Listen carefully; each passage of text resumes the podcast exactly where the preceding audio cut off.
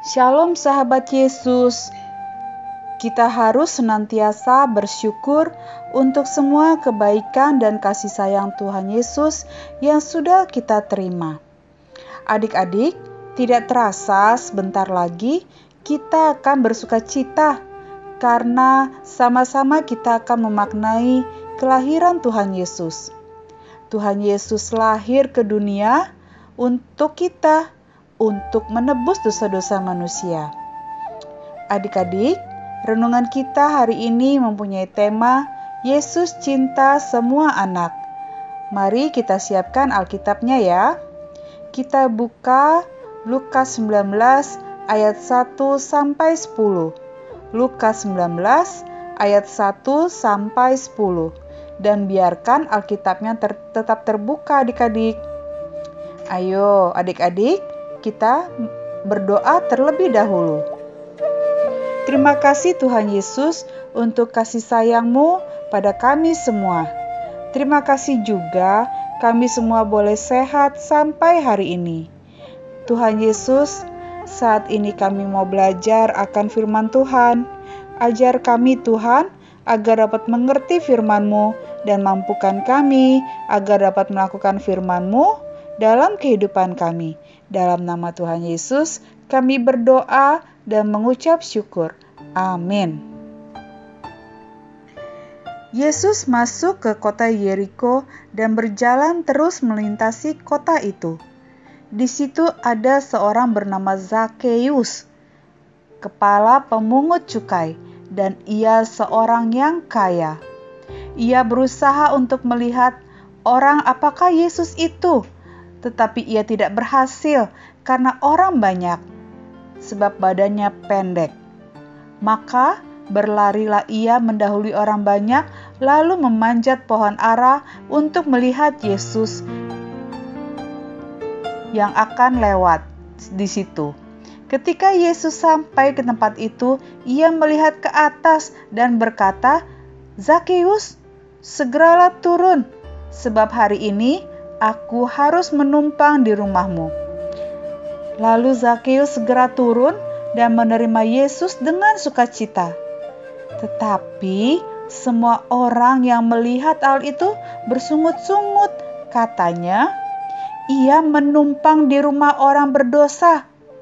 Tetapi Zakheus berdiri dan berkata kepada Tuhan, "Tuhan, setengah dari milikku akan kuberikan kepada orang miskin, dan sekiranya ada sesuatu yang kuperas dari seseorang, akan kukembalikan empat kali lipat. Kata Yesus kepadanya, "Hari ini telah terjadi keselamatan kepada rumah ini, karena orang ini pun anak Abraham. Sebab Anak Manusia datang untuk mencari dan menyelamatkan yang hilang." Apakah adik-adik masih ingat Bapak Zakheus? Ya, betul adik-adik. Bapak Zakheus yang pekerjaannya pemungut cukai. Saat itu, Yesus masuk ke kota Yeriko. Zakheus telah mendengar kabar tentang kehebatan Yesus. Oleh karena itu, adik-adik, dia berusaha untuk dapat melihat Yesus yang sedang melintasi kota. Tetapi sayangnya adik-adik, karena tubuhnya yang pendek, Bapak Zakheus tidak berhasil. Karena sangat banyaklah orang saat itu. Bapak Zakheus berlari dan memanjat pohon ara saat Yesus sampai ke tempat itu, ia melihat Zakheus dan memintanya untuk turun. Bahkan Yesus mau berkunjung dan menumpang di rumah Bapak Zakheus. Wah, Tuhan Yesus baik ya. Tuhan Yesus tidak memandang latar belakang Zakheus. Tuhan Yesus tidak mempedulikan fisik Zakheus yang pendek dan apa pekerjaannya.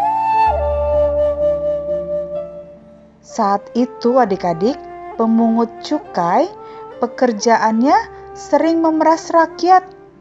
itulah pekerjaan Bapak Zakius. Oleh karena itu, Bapak Zakius sering dianggap orang yang berdosa karena Bapak Zakius sering memeras rakyat. Dan Bapak Zakius dibenci oleh masyarakat di sekitar kota Yeriko. Namun, Tuhan Yesus tetap mengasihi Bapak Zakius adik-adik. Setelah Tuhan Yesus menyapa Bapak Zakius dan mengunjungi rumahnya, Zakius pun bertobat Bahkan Bapak Zakeus memberikan setengah dari hartanya diberikan kepada orang miskin. Dan Bapak Zakeus pun mengembalikan empat kali lipat kepada orang-orang yang telah diperas olehnya. Ya, Tuhan Yesus datang kepada orang-orang yang berdosa seperti Bapak Zakius dan kita semua.